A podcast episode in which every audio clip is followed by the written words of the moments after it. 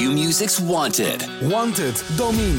Blijf Domine verschuren 100 uur lang uit de handen van Bram Krikken? Voorspel en maak kans op 10.000 euro. Volg het vanaf 13 mei bij Q-Music. Waar ga je heen met De Ondernemer onderweg? Naar Nieuw Business Radio. Experts in zakelijke mobiliteit geven hun visie. Twee wekelijks op dinsdag om 11 uur in het nieuwe radioprogramma De Ondernemer onderweg. De seinen staan op groen, de motor loopt, de accu's zijn opgeladen. Hoog tijd voor aflevering 3 alweer van De Ondernemer Onderweg. Waarin we je wegwijs maken in de wondere wereld van mobiliteit. Mijn naam is Roland Tameling en ik vind het leuk dat je luistert. Ditmaal gaan we het hebben over de opkomst en de toekomst van piepkleine micro-autootjes. En wat dat gaat betekenen voor de manier waarop wij onszelf en onze spullen gaan vervoeren door de stad. Steeds meer grote bedrijven en start-ups werken namelijk aan dit soort hele kleine auto's, die vaak niet langer zijn dan een fiets en plaats bieden voor 1 à 2 volwassenen. En als we de voorspellingen mogen geloven, gaat dit soort voertuigen ervoor zorgen dat we niet meer met onze huidige auto's de stad ingaan. En betekenen ze het einde van de traditionele bezorgbusjes die we nu massaal in de stad zien. Over deze boeiende toekomst praat ik vandaag met eh, Ronald Schoonrok. Ronald, een Roland en een Ronald in de studio. Van harte welkom. Ja, dankjewel. Goed dat je er bent. Ja, jij bent nogal een duizendpoot, hè? Want ten eerste ben je mede-eigenaar van Jenk, een bureau voor creatieve concepten in Rotterdam.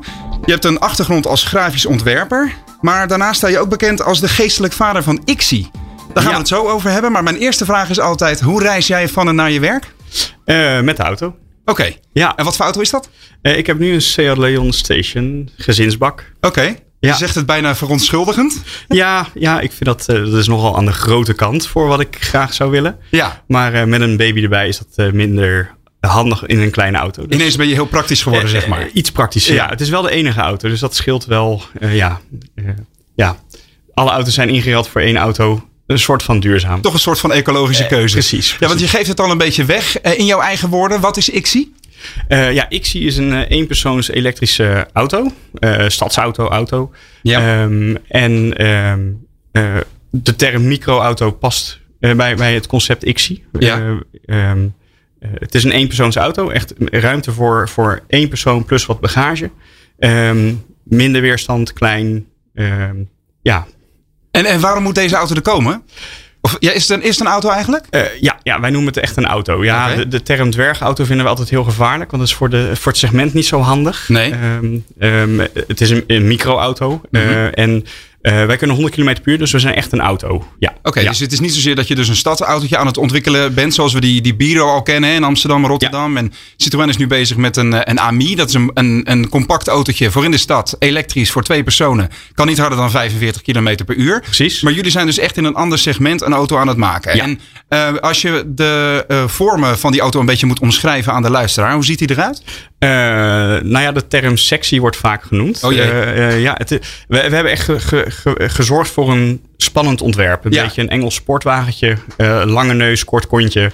ehm, losse wielen. ehm, en die kantelen ook mee in, eh, tijdens het rijden. Oké, Dus een hij- beetje het Carver-principe zeg maar. Ja, precies, precies. En ook omdat een auto moet in onze ogen fun bieden. Niet alleen maar heel praktisch zijn, maar ook gewoon leuk zijn om in te rijden. Ja. Ehm, en eh, ja, we hebben veel glas aan de bovenkant en een, eh, en een mooie clean body. eh, ook om natuurlijk logo's op te plakken van bedrijven. Oh, Oké, dus je denkt ook meteen al in de richting van de ondernemer. Dat is heel fijn. Ja. Hey, ik las over jou dat als jij al jouw ideeën op een post-itje zet, dat je zoveel kunt, kunt verzamelen dat je de hele evenaar kunt beplakken. Waarom van al die ideeën komt IXI dan? Wat trouwens één betekent in het Fins, hè, geloof Ja, ik? klopt. Ja, Ja. ja. Ja, het, is, het wordt uitgesproken, uitgesproken als UXI. Oh. En en alleen mijn collega zei, ik zie schone scheden. Ik zie, ik zie, nou ja, ik zie, was meteen geboren. zie en wij schrijven het met een me. 1, omdat het natuurlijk een eenzitter is. Juist, Ja. hartstikke goed. Ja, uiteindelijk eh, eh, is dat toch de vraag. Waarom komt van al die ideeën dan de IXI bovendrijven? Ja, ja, dat is toch iets, iets, dat zit er al in vanaf kleins af aan. Ik, eh grote autofreak, en, Ja. en, maar ook wel heel erg duurzaam. Ik hou wel van, van ehm, eh, we hebben ook veel duurzame klanten met ons bureau. Ja? Ehm, en dit, ja, dit, dit kwam binnen bij ons en, en ik zei, we gaan gewoon vol gas. Hoe bedoel je, dat kwam binnen bij je? Ja, bij- we- we- ja, je hebt zo'n ideetje wat je aan het uittekenen bent. En dat leg je bij je collega's neer. En ja, ineens gaat dat aan. En, en we hebben dat drie jaar geleden mogen pitchen bij, bij Frits van Eert. Ja, Jumbo. bij Jumbo, ja. En ja, dat was super tof. Dat was echt heel bijzonder. En dat is toen ontstaan. En, en Renze, onze ontwerper, die heeft het ontwerp helemaal getekend. Ja. Dus op basis van ja, de ideeën die ik in mijn hoofd had zitten, is dit eruit gekomen. Maar ik wil graag nog even terug naar die ideeën. Want ja. jij bent een autoliefhebber. Nou, de meeste autoliefhebbers die zouden waarschijnlijk denken... ik, ik ga een sportwagen. Want, wat je zegt, een lange neus, een dikke motor erin, desnoods elektrisch, achterwielaandrijving. Ik, dat is mijn droom. En jij komt, met alle respect, met een stadsautootje. Nee, een microauto, sorry. Um, dan ben ik echt benieuwd, waarom moest deze auto er komen wat jou betreft? En wat, wat is de gedachte achter jouw concept? Ja, nou, ik, ik denk ook dat, dat eh, als, je, als je een duurzame gedachte hebt, dan moet je ook gaan kijken naar hoe mobiliteit verandert. Mhm. En hoe we dat moeten veranderen. En ik denk dat de manier waarop we ons vervoeren in grote auto's vaak nou ja, 80, 90 procent van de tijd alleen, uh, is het. Ja, dat is zonde van energie die in een auto wordt gestopt en zonde van energie die wordt gebruikt tijdens het rijden. Ja. Uh, dus ik wilde proberen om wat ik mooi vind in auto's te, te pakken, te vatten in een kleiner autootje. Oké. Uh, waar je toch wel het gevoel hebt dat je ergens in kan rijden. Ja, ik, moet net, uh, ik heb net onderweg onder, hier naartoe naar Hilversum even goed zitten opletten onderweg. En inderdaad, wat jij ook al zegt, er zijn zoveel auto's waar maar één persoon in zit. Hè? Uh, grote Skoda Kodiaq's en BMW X5 met zeven zitplaatsen. En er zit er alleen maar iemand achter het stuur. Dus dat is eigenlijk de gedachtegang die jij wilt doorbreken. Ja, precies, precies. Ja. En, en uh, ik denk nog steeds dat, dat het, het mooie en het fun ook in een kleiner autootje past. Ja. Uh, dat hoeft niet in een grotere auto. En, en tuurlijk, wij hebben ook nog wel ideetjes voor sportwagens, elektrisch, ook wel in een eenzits configuratie. Mm -hmm. dat, uh, we vinden dat eenzits wel heel erg leuk. Ja. Um, maar wij dachten, ja, we willen de, de, um, de grote menigte kunnen aanspreken. En dat doe je met een sportwagen minder als met een stadsauto. Ja. Dus en dat, dat aanspreken zit hem dan wel in die sexy vormgeving en ook de gedachte dus achter. Want ik, ik las ook, uh, jullie gaan uh, oceaanplastic voor de body gebruiken. En, en ik, ik las iets over uh, tomatenvezels voor het, voor het chassis. Wat is daar allemaal de gedachte achter? Ja, nou, we, kijk, we willen natuurlijk zo, zo circulair mogelijk zijn in wat we bouwen. Ja. En we willen alles wat er nu mogelijk of vindbaar is, willen we gebruiken. En, en er zullen concessies worden gedaan in wat we kunnen gebruiken. Mm -hmm. staal is nog steeds het meest um, circulaire wat we kunnen plaatsen in een, in een body. Ja. Uh, is vaak te, te hergebruiken. Um, maar we willen zoveel mogelijk schone producten gebruiken. En als wij oceaanplastic kunnen gebruiken om bodypanelen te maken, ja, dat zou voor ons een win-win situatie zijn. Mm -hmm. en dat kan natuurlijk vanuit alle kanten komen. Het is niet alleen maar oceaanplastic, maar ja, er zijn nog meer onderdelen. misschien willen we het wel allemaal 3D gaan printen. Er zijn ook onderzoeken die we nu aan het doen zijn. Ja. Um, ja, alles wat, wat er voor ons nodig is, en dat zal ook met accu's straks zijn, dat willen we gaan, uh, gaan gebruiken. Ja, maar je springt wel in een markt die behoorlijk, uh, laten we zeggen, dik bevolkt dreigt te worden. Want er zijn allerlei grote bedrijven, tot en met Citroën aan toe, die dus met zo'n uh, zo'n Ami komen, een stadsauto. Um, er zijn heel veel uh, ja, de start-ups die een beetje aan hetzelfde idee aan het snuffelen zijn. Er zijn ja. twee Duitse bedrijven die al bezig zijn met een soort moderne BMW Isetta. Hè? Ook zo'n ja. zo'n schattig eitje op wielen. Wat is dan de onderscheidende factor van jullie concept, van de XI? Ten eerste de snelheid. Uh, wij willen naar 100 km per uur. Dus met, onze auto kun je echt veilig over een snelweg heen rijden. Oké. Okay. Uh, overdag sowieso. Um, Hoe bedoel je, s'nachts niet dan? nou ja, met een 130 als max is 100 kan een verschil zijn. Het mag en het, het kan ook. Onze Ja. auto is straks veilig genoeg om ook gewoon tussen de 130 rijdende auto's te rijden. Maar het is dus echt eigenlijk wel ben, bedoeld voor het forensen eigenlijk. Dus Ja. van en naar je werk overdag. Ja, ja, ja, het stedelijk en interstedelijk vervoer. Dus Ja. het in de stad, want we gaan ook naar een teruggeschaalde versie, teruggetunede versie van 45 km per uur Ja. voor het AM-rijbewijs. Oké. Uh, bezorgdiensten die we daarmee kunnen, kunnen helpen. Mhm. Um, en de 100 km per uur versie inderdaad voor het forens verkeer. En verder nog uh, onderscheidend vermogen ten opzichte van de concurrentie? Uh, ik denk dat design wel echt een onderscheidend vermogen is. Uh, en we willen ook wel gaan voor luxe. Oké, okay, en de, beide heeft de Biro bijvoorbeeld niet, hè? Dat soort rijdende bushokje. Daar hebben, wij, daar hebben wij een andere visie over, dat klopt. Nou, ja. je, je, mag best zeggen dat het ding er gewoon niet uitziet. Nou, zeker, zeker. ja, ja, ja, nou, ja, kijk, in een stad doet het wat het moet doen. En daar zijn we heel blij mee. En, en ik denk ook dat we het moeten zien als een groter geheel. Ja. Um, uh, en in een bureau kun je met z'n tweeën, dat kan bij ons niet. Nee, uh, voor de mensen die niet weten wat een bureau is, hè, dat is even een, een compact stadsauto. Je, je, je ziet ze al veel ja. in Amsterdam en Rotterdam. Uh, zo compact en zo, zo kort dat je hem dwars kunt parkeren op, Ja. een, op een parkeerplek. daardoor kunnen er natuurlijk meer um, bureaus naast elkaar dan een grote auto. Dus het principe, het concept achter de gedachte is vergelijkbaar. Ja. Maar jullie zitten dus wel op een ander spoor. En dan uh, even advocaat van de duivel. Want er zijn ook andere grote spelers die dit concept al eens hebben geprobeerd. Ik denk meteen aan Renault met de Twizy. Die zijn al uh, bijna tien jaar bezig om een compact tweezittertje met vleugeldeuren, hip design, lekker opvallend, elektrisch in de markt te zetten.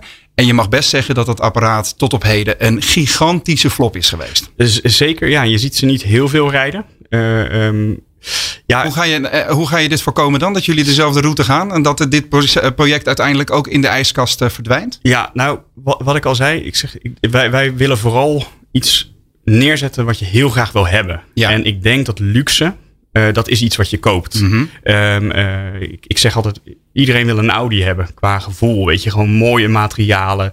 Je wil ergens instappen. En ik denk dat het nadeel is van heel veel microauto's, is dat we kiezen voor heel basic. Ja. Uh, omdat het heel licht is. Alleen daar ga je de grote markt niet mee bereiken.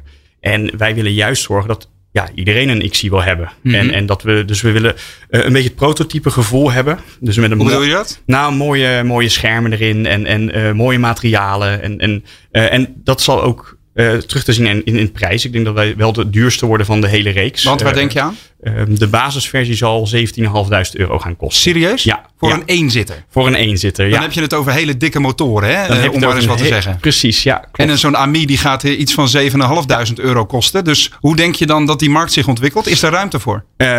wij denken dat zeker, ja. ja. Ja, wij denken zeker dat daar heel veel ruimte voor is. Oké. Okay.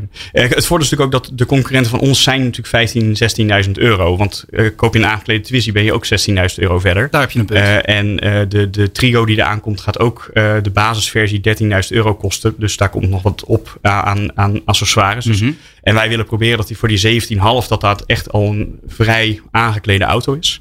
En uh, ja, en die kunnen we straks nog veel meer aankleden met vierwielaandrijving en dat soort dingen. Dus... Ik ben wel heel benieuwd hoe jullie dit hele idee uh, bedacht hebben en hoe je denkt dat dit inderdaad gaat slagen. Over dat hele ontwikkelingsproces gaan we het straks nog verder hebben. Ook over het opbouwen van jullie start-up, want dat is het feitelijk hè. Ja. Je zit in een voorzichtige markt en we gaan het hebben over de zaken die Ronald nodig heeft om zijn creatie werkelijkheid te laten worden.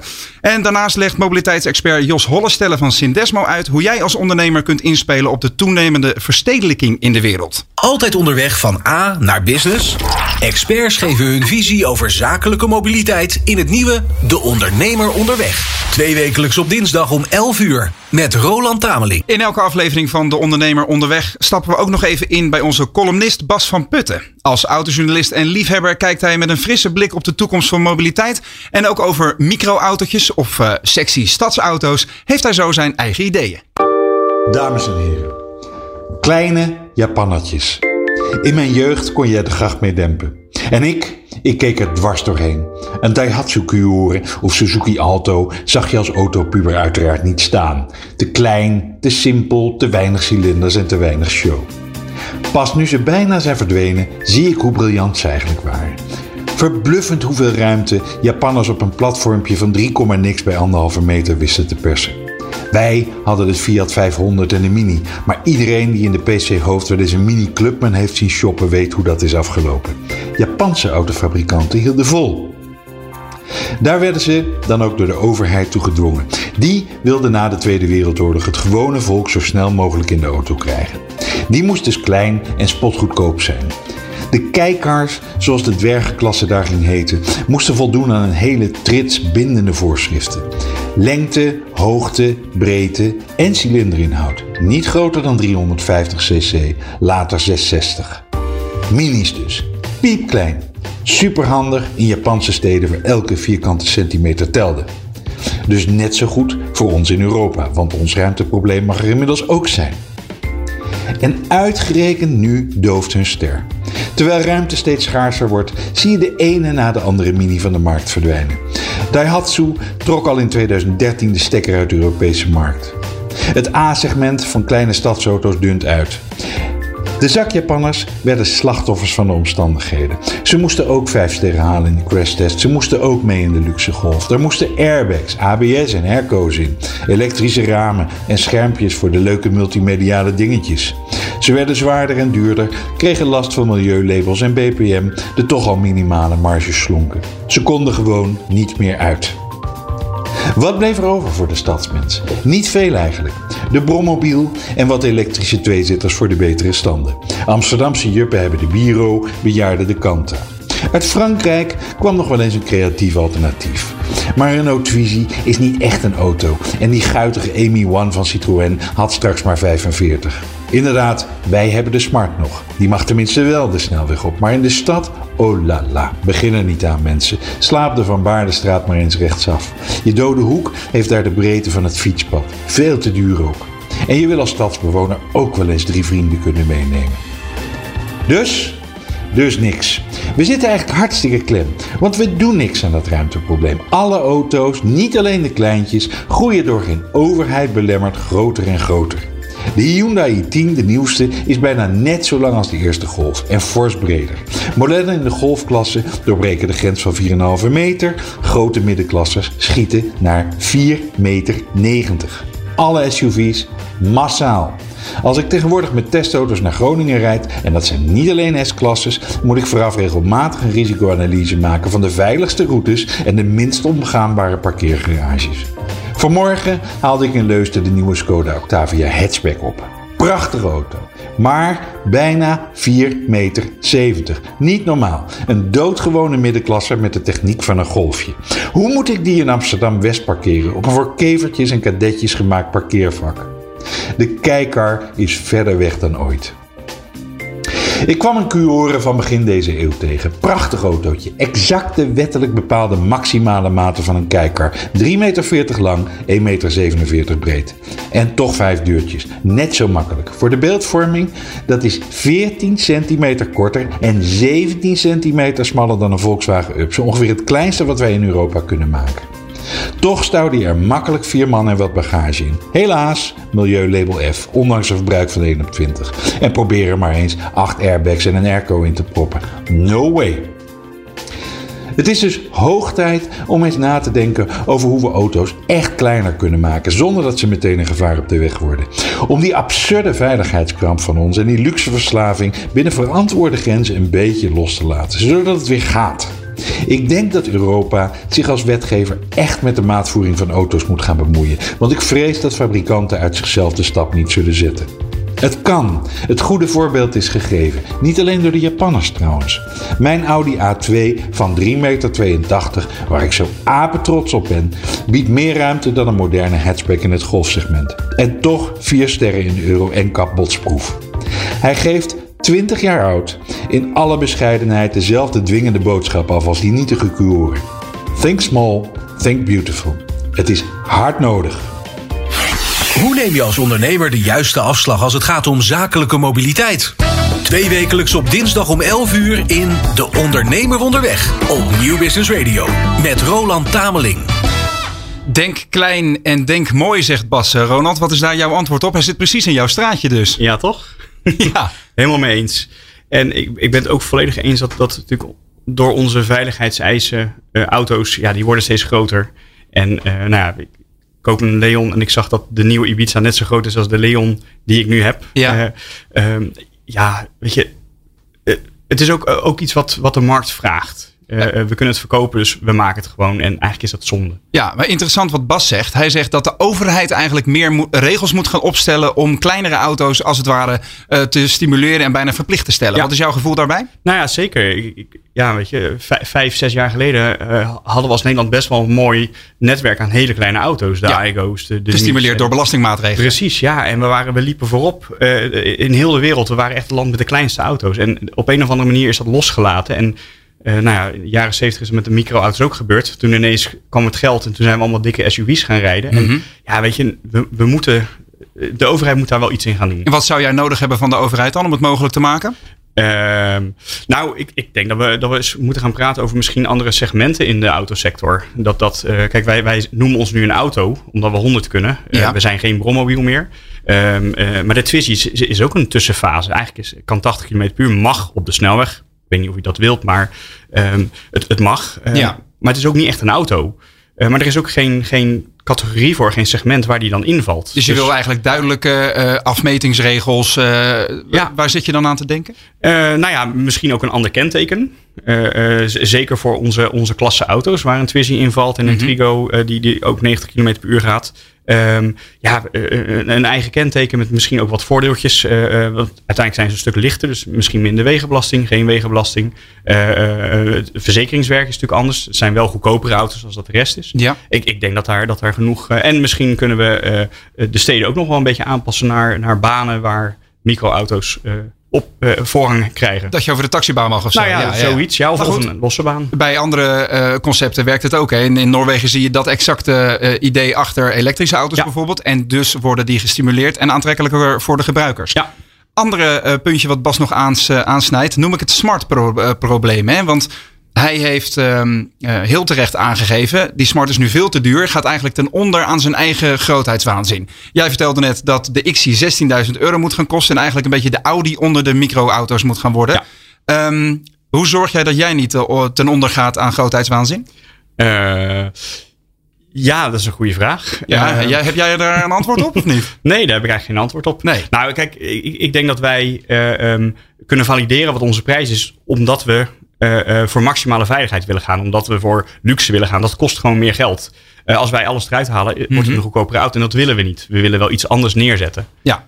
Nog even voor de luisteraar. We hebben in de studio te gast Ronald Schoonrok. De bedenker en uitvinder eigenlijk van de XI. Een sexy eenpersoons stadsautootje. En, en ik wil het graag even met jou hebben, Ronald, over de plaatsing van die auto in de markt. We hadden het er net al even over. Hè? Jullie gaan best hoog zitten qua prijs en qua eigenlijk een wanna-have factor, als je het zo wilt noemen. Ja. Hoe hebben jullie de juiste plaats en het juiste uh, positionering van die auto um, onderzocht?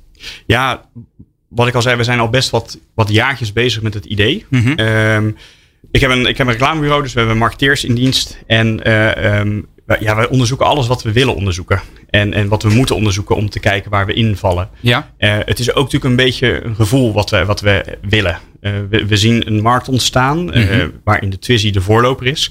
Geflopt. Het is wel de basis van wat we nu aan het doen zijn. ik denk dat het een heel mooi compliment naar Renault is. Ik hoop ook echt dat er snel een update komt van de, de Twizy, want die verdient dat ook echt. Zal er wel een vooruitstrevende, vooruitziende blik Zeker, zeker. Ja, ja. ja. En, en uh, het was de enige die je op dat moment kon kopen. Dus ja? uh, nou, um, ik denk dat, uh, dat die markt er klaar voor is om groter te worden. Waar blijkt dat uit dan? ten eerste het aanbod wat steeds groter wordt. volgens mij is nu ieder land wel bezig. Mm -hmm. uit China gaan er ook nog echt wel een aantal concepten komen de komende maanden. Nou, Polen heeft de Trigo nu net geïntroduceerd. Ook een heel tof concept. Mm -hmm. Um, die schatten zelfs dat de markt richting 2 miljoen auto's moet gaan bij 2030. Nou, ja. Het is ook moet... niet voor niets dat een Citroën erin stapt. met exact, exact, ja. ja. ja, ja. steden moeten ook iets. Dus, dus het is niet alleen dat de markt het vraagt, maar steden moeten iets gaan doen. We moeten natuurlijk CO2-reductie, steden die vollopen, het moet minder. Dus je ziet ook dat het landschap moet veranderen. Mhm. Mm -hmm. Dus niet alleen het vervoer, maar ook gewoon de rest eromheen. En wat kwam er nog meer uit jullie onderzoek naar voren dan? Hele tastbare zaken? Nou, wat, wat wij vooral uh, um, merken is dat um, uh, heel veel concepten worden toch gezien als uh, um, ja, misschien te goedkoop, te, ba te basis. Oké. Okay. Je, je, wil iets hebben, je wil iets moois laten zien. Je wil niet voor lul rijden. Je wil, dat zit hem dan in gebrek aan uitstraling, zo gezegd. Dat ja, ja. ja. En, en, en nou ja, daarom hebben wij gezegd, we willen iets neerzetten wat en er goed uitziet en ook nog gewoon aanvoelt als een echte auto. En jullie zitten inmiddels uh, volop in dat ontwikkelingsproces. Ja. Wat zijn dan nu nog de grootste hobbels die jullie moeten nemen? Uh, zoals uh, elke start-up is dat vooral geld. Ah, ja. verbazingwekkend. Ja, precies. Hoeveel kom je nog tekort? Ehm, over het hele proces heen heb je natuurlijk over miljoenen wat we, wat we moeten gaan binnenhalen. Minimaal, ja. precies, naar, naar productie toe. En voor het prototype mikken wij ons op 4, 4,5 ton wat we, wat we nodig hebben. Waarvan ook een deel natuurlijk publiek geld, uh, subsidies is, uh, uh, waar we aanspraak op doen. Ja. maar er moet ook een deel vanuit privaat geld komen. Is het heel gek als ik dat vind meevallen? Uh, dat, uh, ja, ja, dat is natuurlijk ook omdat. Dat is wel gek. Uh, nee, nee, nee dat is zeker niet mee? gek. Nee, nee, is zeker niet. Nee, nee, nee. Kijk, we hebben natuurlijk veel partners die, die ook hun uren investeren. Wat voor dus, partners zijn dat? nou, TCPM is onze technische partner. Die is nu met het onderstel bezig. NPK, Spark zijn de design, de design grootheden in Nederland. Ja. Nou, die zijn uh, aan het ontwikkelen met het ontwerp van de auto. Want uh, we hebben natuurlijk een aantal schetsen neergezet. Uh, en ja, we, we, hebben natuurlijk al weer, andere ideeën wat er nog meer bij, bij kan. Dus, mm -hmm. nou, Gaandeweg de ontwikkeling bedoel Exact, exact. Ja, um, Teijin is een leverancier van aramides. Daar, daarmee zijn we in overleg. Wat, wat zijn aramides? een bepaald soort kunststof, composieten en, en ja. heel licht, sterk materiaal om, om de body van te maken, onder andere. Exact, ja. ja. ja, En, en uh, met wat voordelen tegenover carbon. Uh, zeker ook het, het, doorlaten van signalen. Dus, dus, nou, Sensoren en zo. exact. Mm -hmm. Een auto wordt toch redelijk autonoom. het zal meehelpen met het rijden. Het zal niet volledig autonoom gaan rijden, maar ook het meekijken met wat er naast je gebeurt, is ook autonoom rijden. Nou, Dode hoek herkenning precies, we willen dat ja. in onze auto zoveel mogelijk meenemen. Ja. Um, ja, en, en, en uh, partijen, glasleveranciers. ja, je komt natuurlijk gaandeweg allemaal nieuwe partners tegen. Die allemaal natuurlijk met zo'n, ja, laten we eerlijk wezen, de enige Nederlandse start-up in deze sector nu. die, die willen mee. Die, en zij melden zich bij jou dan? Ja, ja, vaak via artikelen die, die worden geschreven. En, en uh, ja, via via kom je, ergens, uh, kom je weer ergens binnen. En dat is leuk. En wie hoop je naar aanleiding, uh, aanleiding van deze uitzending tegen te komen? Wie moet zich bij jou melden? Wat heb je nodig? dit nou, is je kans, hè? Ja, zeker, zeker. Nou, kijk, ja, wij zoeken natuurlijk naar, naar, naar investeerders die, die een toffe Hollandse start-up willen, willen ondersteunen. Maar ook wel iets met auto's hebben. We vinden het toch wel leuk dat je, dat je ook wel ziet wat er, wat er mogelijk is in onze sector.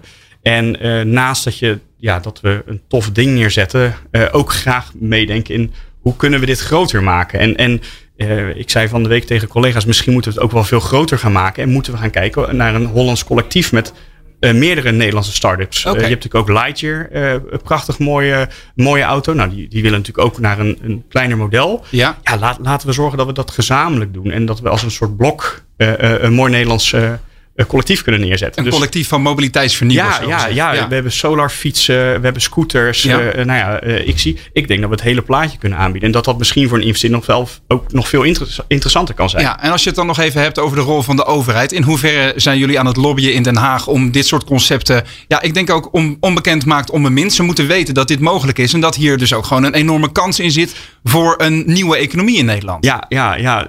het nadeel vinden wij nog is, we hebben best wel wat uh, fondsen aangeschreven en we zitten echt in een start-up fase. We moeten prototypen nog gaan bouwen. Ja. Um, dat we, we zijn voor die partij nog niet zo interessant. Die willen graag, eh, die willen eigenlijk in de volgende fase naar een scale-up eigenlijk pas inhaken. En dat vinden we heel jammer. Want mm -hmm. ja, weet je, we zouden juist met de overheid uh, dit willen neerzetten. Want je bent nog niet interessant genoeg om dat? Uh, omdat we nog niks verdienen. Ah. en, en natuurlijk ook nog geen vooruitzicht. Kijk, wij, wij hebben een, een tijdsplanning van, van twee jaar. Ja. vanaf het moment dat we echt aan de gang kunnen. dan moet je nog wel even geduld hebben. En ja, dat, dat merken we, dat is lastig. Ja, maar het moet nu wel gaan gebeuren, denk ik. Hè? Want jullie hebben het hele idee klaar. Dus nu is het uh, tijd om inderdaad de kansen te creëren ja. om van start-up naar scale-up te gaan. Exact, exact. Wij wilden eigenlijk dit, dit hele jaar uh, uh, vol gas gaan met binnenhalen van funding en, en alles. En einde van dit jaar gewoon het prototype hebben staan. Nou ja. ja dat is iets anders gelopen dit jaar, helaas. Mm -hmm. um, we zien het als een tussenjaar. We gaan volgend jaar datzelfde jaar gewoon herhalen. Ja. Dan zonder corona, hopelijk op die manier. Maar wel gewoon uh, vol gas. Heel goed, heel goed. Nou, daar gaan we straks nog even verder over praten. En ook over de kansen van ICSI. En hoe groot de kans is dat hij daadwerkelijk gaat doorbreken. Waar ga je heen met de ondernemer onderweg?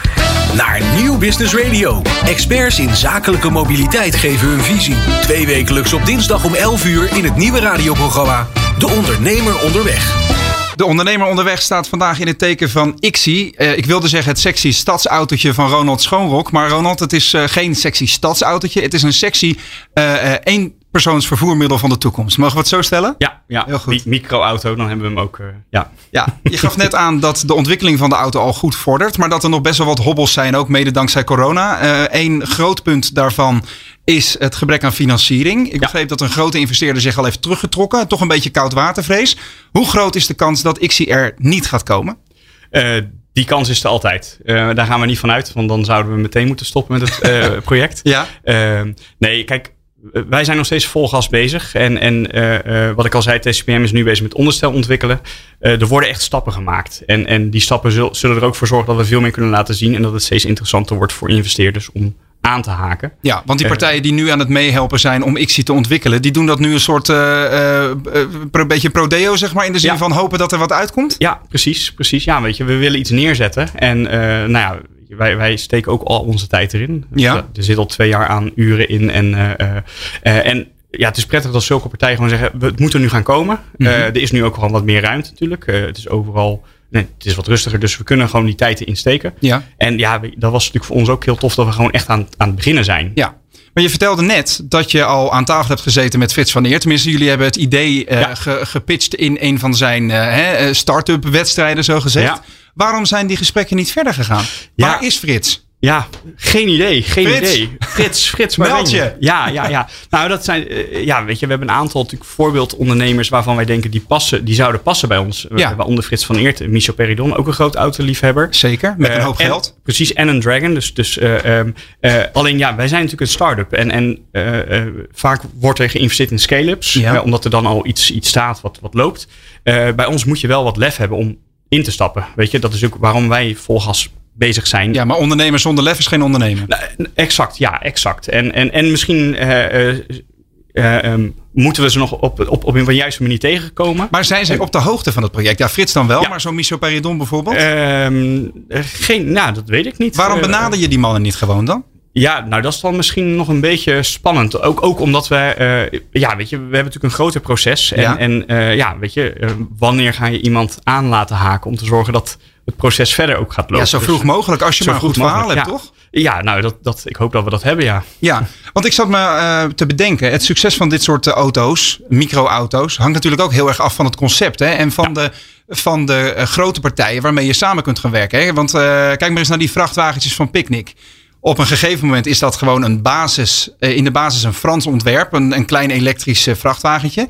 En toen kwam Picnic die heeft ze laten aanpassen door een Nederlands bedrijf. En dat Nederlandse bedrijf dat ze aanpast, dat gaat werkelijk door het dak qua cijfers. Dat gaat helemaal nergens over. Maar aan de andere kant um, zien we ook de, de keerzijde van de medaille. Als je bijvoorbeeld het voorbeeld van de elektrische vrachtwagentjes van Deutsche Post en het dochterbedrijf DHL ziet. Die hebben de afgelopen jaren meer dan een miljard euro gestopt in het ontwikkelen van een eigen elektrische vrachtwagentje, de Street Scooter. Ja. Uh, inmiddels hebben ze er 12.000 gemaakt en hebben ze het uh, stekker uit het uh, project getrokken. Ja. Um, ergens, ja, als zelfs zo'n project het niet redt, dan is de kans dat ik zie ondersteboven gaat, niet letterlijk, is best wel groot. Hoe voorkom je zoiets? Ten eerste denk ik je, je markt goed verdelen. Kijk, wij zijn niet alleen maar business to business, we zijn mm -hmm. ook business to uh, consumer. we willen natuurlijk iedereen aanspreken. We maken een toffe auto genoeg variatie straks. Want we willen ook naar een 1 plus 1 toe. Waar, waar Maxi Cozy in kan. En je eventueel met een kind op pad kan. Er zal geen ruimte zijn voor twee volwassenen. Mm -hmm. maar Waarom in die, um, ja, dan, dan vind ik dat we te veel de concurrenten zijn. En vaak zie je ook met die concurrenten dat er eigenlijk te weinig plek is om echt met z'n tweeën in een auto te zitten. Ja. Je zit vaak met je knieën in je nek of uh, in, ja, in de bureau te dicht op elkaar. Ja, maar zo'n uh, noodoplossing, zeg maar, voor uh, als het echt even nodig is, kan er wel voor zorgen dat je markt groter wordt. Zeker, zeker. Ja, en, en misschien komen we in het concept ook wel achter een extra ruimte voor een persoon. dat kan altijd. Ja. het is niet onze focus. Onze focus is een eenzitter met genoeg bagageruimte, want dat hebben we wel nodig.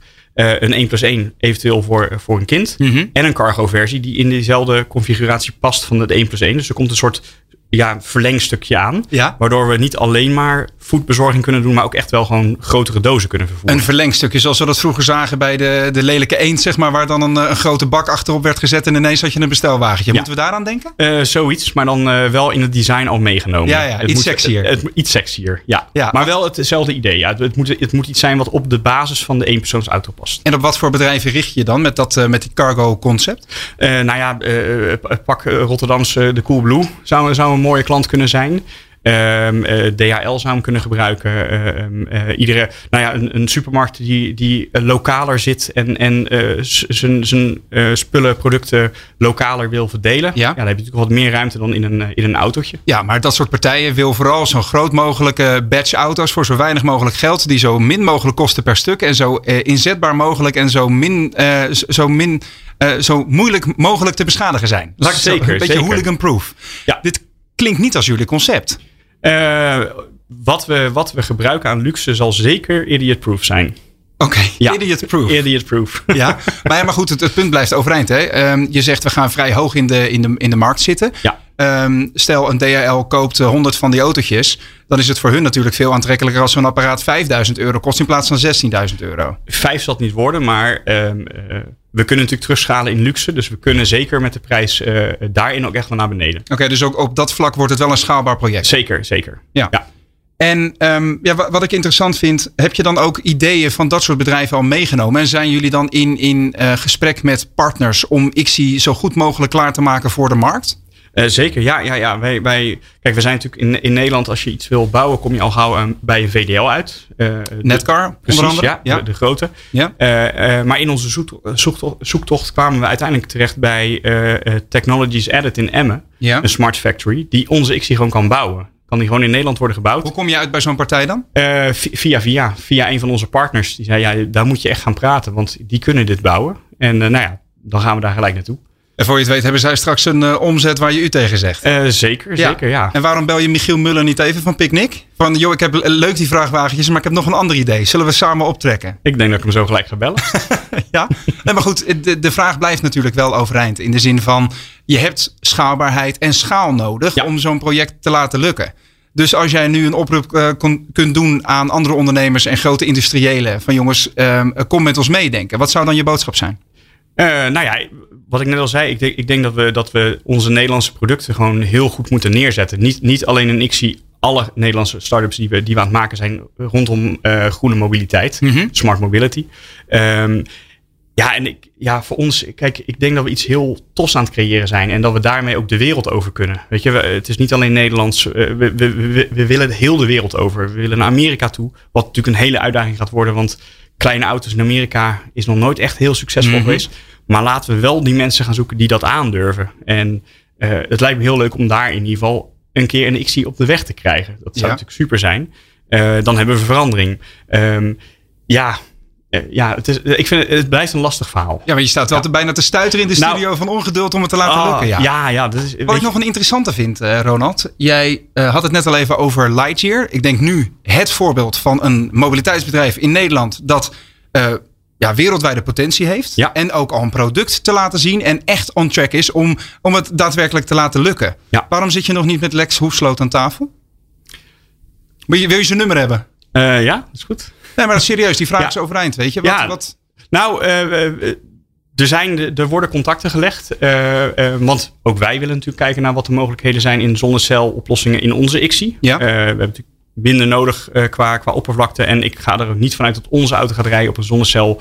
Want daar zijn we veel te klein voor. Maar, hebt de oppervlakte gewoon nodig natuurlijk. Precies, ja. Maar wie weet kunnen we er wel iets mee creëren... waardoor uh, de, de telefoons kunnen worden opgeladen. Dat dat niet uit je batterij hoeft te komen. Zou natuurlijk al heel erg bedoel je? Oh, als in dat je wel een celletje op het dak hebt... Om, voor de secundaire systemen in exact, de auto. Exact. Ja. Kunnen we... Hoe ver moet je eigenlijk kunnen rijden met een XC in een ideale wereld? Uh, wij mikken ons op 150 tot 200 kilometer. Oké. Okay. Ja. Dus een retourtje Amsterdam-Rotterdam? Moet, moet lukken. Zou jij ja. heen en weer van je werk naar huis kunnen? Uh, ja. ja. Ja? Is een uur. Een uur heen en een uur terug. Ja. Ondertussen even laden en dan, uh, dan red je het wel weer. Ja. Ja, ik zou, het, zou, het zou moeten lukken op een volledige batterij. Ja. Als ik uh, even man en paard vraag, Ronald. denk je dat het gaat lukken? Uh, ik weet dat het gaat lukken. Kijk, dat is het enige goede antwoord. Exact. Hartstikke goed. Hey, dankjewel voor, voor je tijd hier in de studio bij de Ondernemer Onderweg. Ik hoop van harte dat uh, ja, hoe jij nu onderweg bent naar een nieuw mobiliteitsconcept, een Nederlands idee, uh, dat sterk genoeg is, volgens mij in ieder geval, om ook weerstand te bieden tegen internationale concepten. Het is dermate onderscheidend dat hier volgens mij wel een potentiële markt te, te overwinnen valt. Je wilt helemaal wereldwijd gaan uitrollen. Ik denk dat China ook nog wel heel uh, interessant kan zijn Zeker. natuurlijk. Want daar zitten grote industriële partijen die, uh, die ook uh, klappen kunnen uitdelen. Ik wens je veel succes. En beste ondernemer, als je luistert en je hebt ergens een beetje geld liggen. Ik zou zeggen, neem contact op met Ronald Schoonrok, Ronald Schoonrok moet ik zeggen, van ICSI. En als je meer informatie wilt, dan kun je kijken op www.ixi.nl. Dat is YKS1.nl. Dankjewel Ronald. Dankjewel. Altijd onderweg van A naar business? Experts geven hun visie over zakelijke mobiliteit in het nieuwe De Ondernemer Onderweg. Twee wekelijks op dinsdag om 11 uur met Roland Tameling. Ja, ik word heel blij van dat soort uh, bevlogen ideeën van een ondernemer die een goed idee heeft en uh, dat in de realiteit wil brengen. Want het is ook heel relevant. Hè? Als ondernemer wil je immers mobiel blijven, maar in een steeds voller wordende wereld wordt dat alsmaar uitdagender. Verstedelijking is namelijk een van de belangrijkste trends en redenen om aan de slag te gaan met je mobiliteitsbeleid. Maar hoe doe je dat? Jos Hollestelle, mobiliteitsexpert van Sindesmo. Jij hebt de antwoorden op die vragen, hè? Ik heb uh, zeker de antwoorden, inderdaad. Um, te zien inderdaad, dat die, die wereld verandert enorm snel. Nou, net, net al natuurlijk met die microauto's. En er zijn ja. zo waanzinnig veel ontwikkelingen. Dat het moeilijk is om daar als ondernemer uh, bij bij te benen. Maar je moet wel. En daar gaan we het over hebben. Ja, hoe dan? Want jullie zien steeds grotere steden als trend. Hè? Uh, hoe moet je als ondernemer daarop inspelen? Als je weet dat er iets moet gebeuren? Ja, dus wat, wat we zien is dat het palet aan mogelijkheden enorm aan het toenemen is. Dus je hebt uh, nou, naast die microauto's die, die gaan komen natuurlijk uh, fietsen, mobility as a service, heel veel deeloplossingen, uh, mobiliteitsbudgetten, elektrificatie van wagenparken. Er, er, speelt op dit moment enorm veel. Wat is jouw definitie van mobility as a service?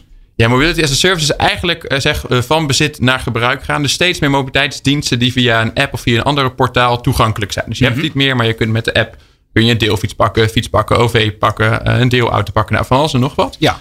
Um, wat we zien is dat die ondernemer ziet door de bomen het bos niet meer. Dus terug naar de basis in, in ons geval. En dat betekent drie stappen nemen. Dus één is, maak nou heel duidelijk, wat wil je nou als organisatie bereiken? Waar, waarom is dit voor jou een probleem? Ja, maar als we inzoomen op de uh, organisaties die zich uh, met stedelijk vervoer en in de stad zich bevinden, dat, die hebben natuurlijk al een, een punt, die weten wat ze daar willen aanpakken. Nou, zelfs dat is nog maar de vraag. Want okay. daar, daarin heb je ook weer verschillende wegen die naar Rome leiden. Je, je kunt zeggen, ik als organisatie zit in de stad, de parkeerkosten nemen beschikbaar en toe, die moet ja. ik een halt toeroepen. Dan nog heb, krijg je de vraag: mag dat ten koste gaan van medewerkertevredenheid? Mag dat ten koste gaan van een primair proces? Want ik heb mm-hmm. misschien nog wel ouders nodig om, om dingen te gaan doen. En juist daar nadrukkelijk bij stilstaan. Vervolgens kom je pas op de vraag: hoe ga je dat dan doen? En dat is inderdaad nou ja, een, een heel breed palet en allerlei verschillende uh, maatregelen die je kunt gaan nemen. Ja. En wat ik nu heel veel zie, is dat ondernemers in zo'n binnenstad echt uh, eindelijk harde keuzes durven te gaan maken. Dus inderdaad die auto op de tweede plek gaan zetten. Okay. En kijken hoe ga ik nou zorgen dat mijn medewerkers met de fiets gaan, met het OV gaan. Hoe ga ik een keer met de heilige uh, koe om die de Ja. leaseauto heet? Precies. En kan ik daar medewerkers alternatieven voor bieden? In de vorm van een mobiliteitsbudget of in de vorm van andere dingen die die medewerker nog steeds flexibiliteit van reizen geven. Maar die voorkomen dat die medewerker altijd maar met die auto naar die locatie moet. Omdat zij, dat zijn enorme parkeerkosten en reistijd. Die reis is natuurlijk vaak het probleem van die werknemer zelf. Mhm. Maar die parkeerkosten, die, nou ja, een 7 euro per uur in Amsterdam, daar word je niet heel vrolijk van. Maar wat zijn dan hele tastbare oplossingen die jullie al aan uh, klanten of opdrachtgevers hebben voorgeschoteld? Nou, wat, wat we zien is een van de dingen die heel goed werkt, is het, het bieden en faciliteren van deelmobiliteit. Dus voorkom nou dat die werknemer met zijn eigen auto naar die binnenstad toe moet of naar die stad toe moet. Ja. Om vervolgens een zakelijke afspraak te hebben. Dus dat we bijvoorbeeld zien met een aantal zorginstellingen hebben we dat gedaan. Uh, daarin zien we natuurlijk dat uh, wijkverpleegkundigen en anderen, uh, die moeten naar heel veel cliënten in die stad. Voorheen deden ze dat met kleine autootjes, dus dat was heel fijn. Mhm. Um, nu doen we dat steeds meer met deelfietsen, elektrische deelfietsen. Misschien met um, elektrische deelauto's die beschikbaar zijn. En als we dan kijken naar de business case, dan is het aan de voorkant wat investeren in al die spullenboel. Maar vervolgens, als, je dat, als dat eenmaal operationeel is, wordt er zoveel bespaard op die parkeerkosten. Dat A, die cliënt beter be behandeld kan worden. Mhm. Of beter, nou, die, die, die medewerker is daar gewoon sneller. En B, de parkeerkosten nemen schrikbarend af. Want je zegt investeren in die spullen. Zo'n zorginstelling heeft dan een eigen wagenparkje aan deelauto's uh, gekocht. Of hoe moet ik dat zien? Um, nou, dat, dat verschilt. Um, wij geloven heel erg in, dus ze zeggen naar die, die Maas-oplossing waar we, waar we het net Mhm. ook over hadden. Mobility as a service, Um, ja. ja. dus mobility as a service.